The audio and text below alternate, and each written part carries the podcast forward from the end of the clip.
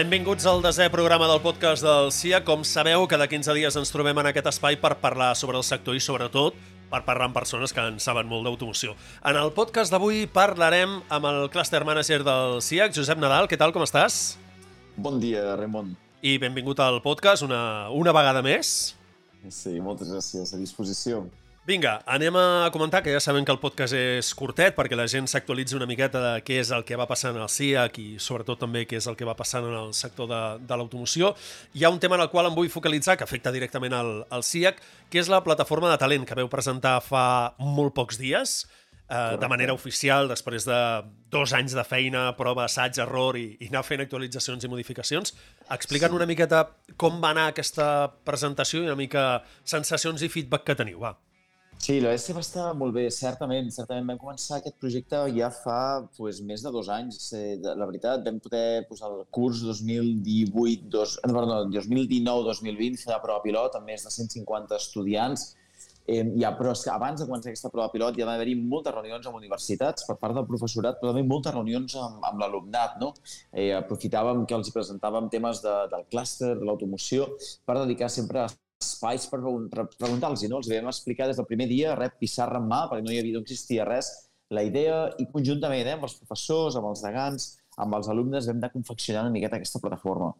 Al final, el que es tracta és de crear una passarel·la, una passarel·la on els estudiants puguin tenir accés a la informació del què passa en el sector de l'automoció, i això significa moltes coses, però sobretot significa que entenguin quins són els reptes que té l'automoció en, el, en el seu dia a dia, és a dir, què es trobaran ells sortint de la universitat? Quan comencin a fer pràctiques, quan busquin la, la primera feina i quan comencin la seva trajectòria professional, que no tot és dissenyar l'aerodinàmica d'un cotxe, que això és el que molts estudiants tenen en ment, òbviament, quan, quan arrenquen la carrera, sinó que existeix tot un ventall de possibilitats dintre del sector de l'automoció. Estem parlant de la part de la logística, de manteniment, d'indústria 4.0, de, de producció, de disseny de, de peça, per descomptat també, eh, disseny de, de vehicle, però que hi ha tot un ventall de, de, de possibilitats per desenvolupar-se. I la veritat és que ha sigut tot, eh, tot un repte.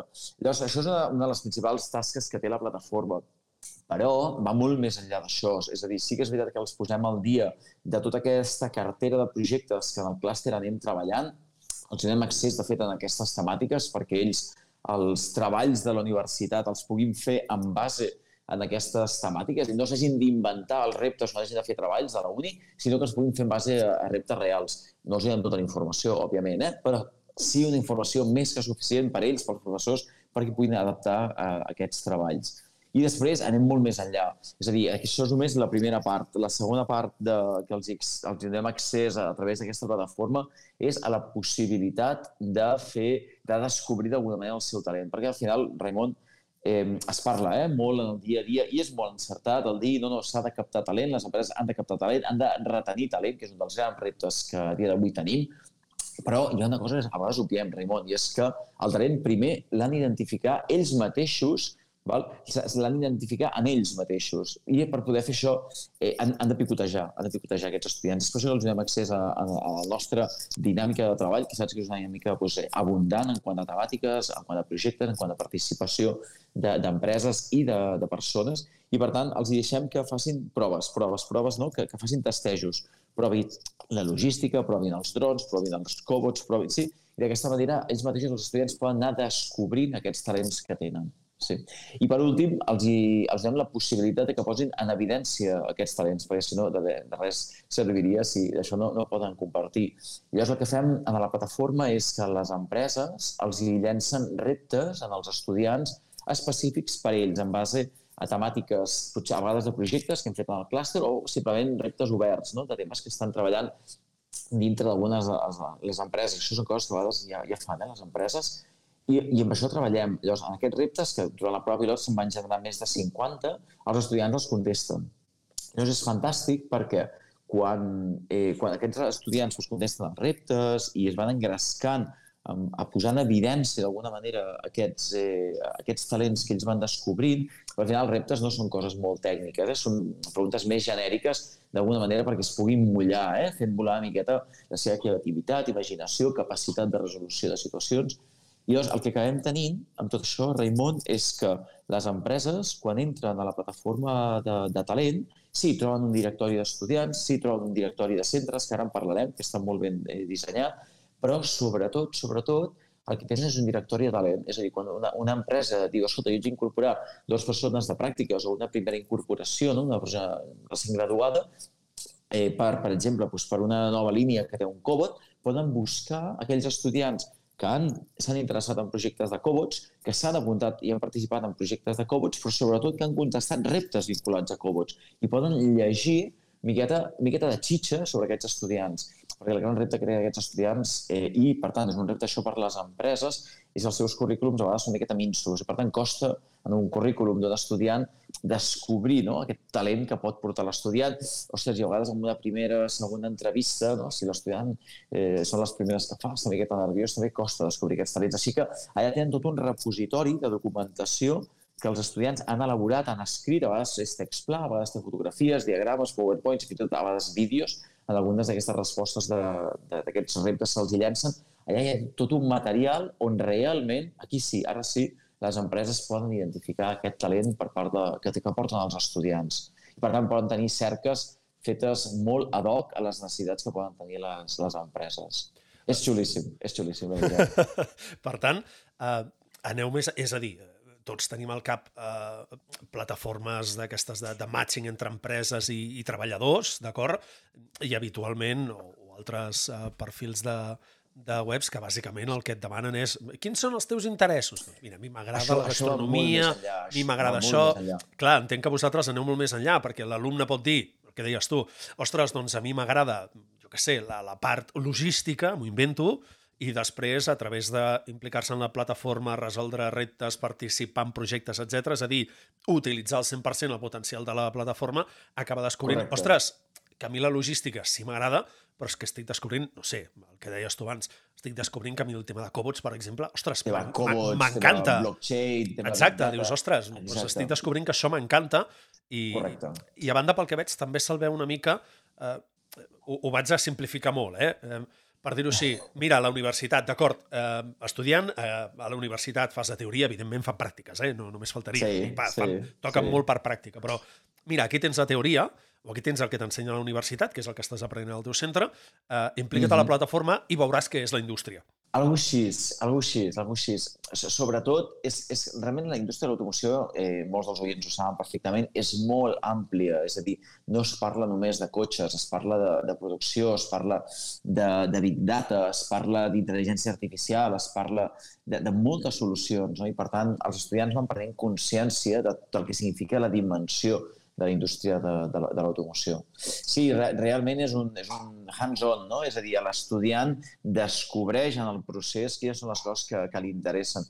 I això també és una cosa que és molt important per a les empreses, perquè les empreses al final saben que quan tu incorpores una persona, sobretot quan és una persona doncs, més, més júnior, no és fins al cap d'any, any i mig que aquesta persona realment comença a rendir en el lloc de treball que, que se li ofereix, no? de la possibilitat.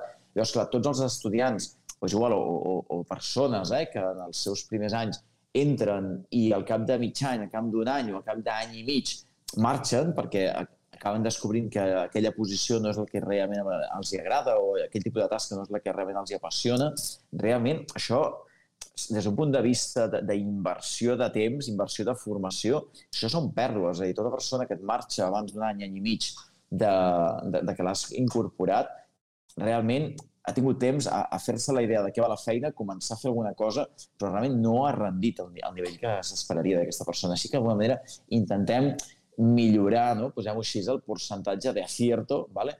eh, en quant a les expectatives d'una persona. Sí a l'hora d'incorporar-se en un lloc de treball. Hem vist una mica una fotografia, evidentment no, no podem entrar en detall amb el temps que tenim al, al podcast, teniu la plataforma per remenar-la de la baix, per descomptat, Correcte. però de cara a les empreses, ja ho apuntaves tu, eh, permet tenir uns perfils molt més concrets eh, sí. de cara a seleccionar doncs, eh, possibles incorporacions a les empreses. Eh, però què més ofereix la, la plataforma de cara a les empreses? Mira, la veritat és que nosaltres, eh, això que t'he explicat ja anava bastant alineat amb la idea original de quan vam, doncs, fa dos anys, començar doncs, a confeccionar, eh, a dissenyar aquesta plataforma, a visualitzar-la i de més, però realment el que els estem oferint ara mateix va molt més enllà, perquè eh, sobretot en aquest últim període, diria en aquest últim any, mig any, el que s'ha fet ha sigut tot això d'aquí portar-ho a, un, a un següent nivell i és em, establir un algoritme que aquest matching el faci de manera automàtica.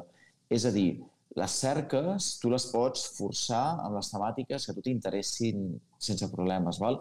però realment el que ha aconseguit és un, un rànquing i un matching que el que fa és que quan eh, d'una mateixa empresa, eh, o d'empreses diferents, però fins i tot dintre d'una mateixa empresa, quan entra un responsable de logística a la plataforma a buscar estudiants, o quan entra un responsable o una persona vinculada a, pues, a, a la logística, a, a temes de cobots, a temes de manteniment, a temes de Big Data o així, la mateixa plataforma identifica qui és que està entrant, quin és el perfil de projectes on participa, d'aquesta manera es fa una idea de si és una persona més enfocada a la logística o als cobots o, a, o al Big Data o el que sigui, i llavors automàticament el que fa és buscar-te eh, els estudiants val, que han participat a projectes eh, similars, que s'han apuntat a projectes similars i que han contestat reptes similars en aquest mateix perfil i automàticament et mostra un rànquing vale? dels millors alumnes vinculats amb aquestes temàtiques. Vale? Per tant, el que estem intentant realment, Raimon, i estem deixant les banyes amb això, és que sigui extremadament senzill vale?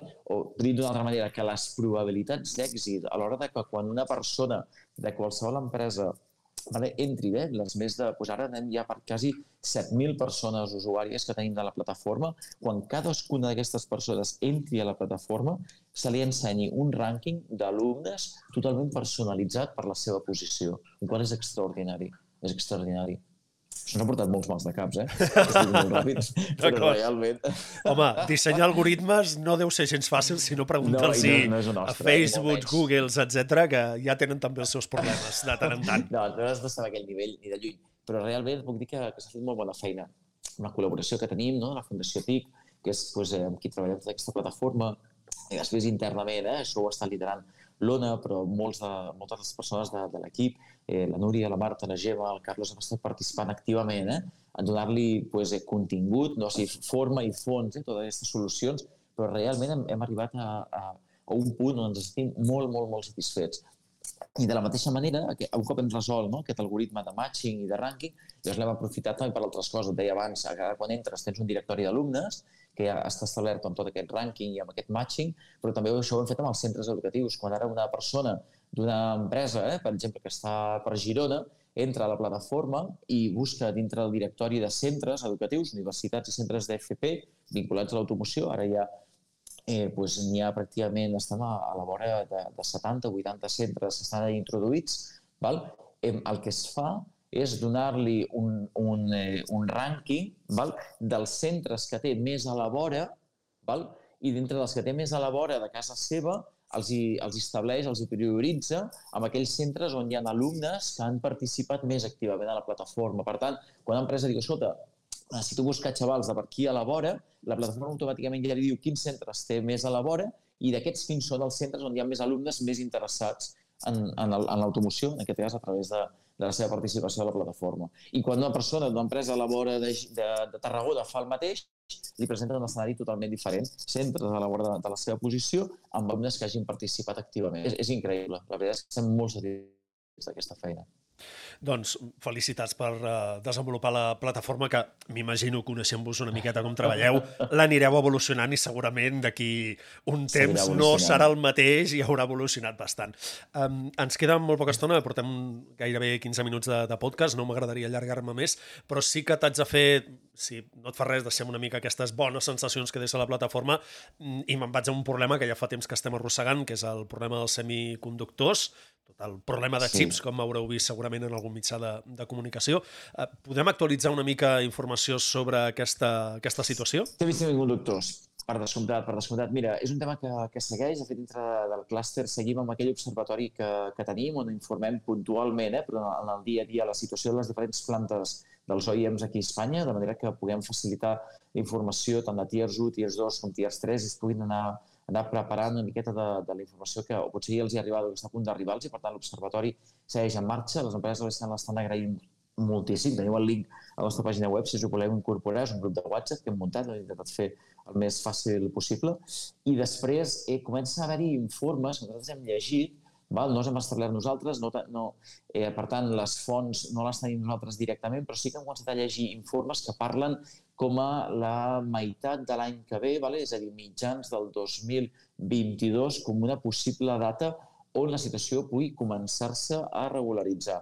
No ho sé, eh, no voldria eh, passar-me d'optimista ara mateix, m'encantaria que això fos cert, no, no, no tinc proves fehacientes per dir-ho, però sí que és veritat que ja hi ha un parell d'informes que he llegit on es parla d'aquestes dates. Veurem, tant de bo sigui cert.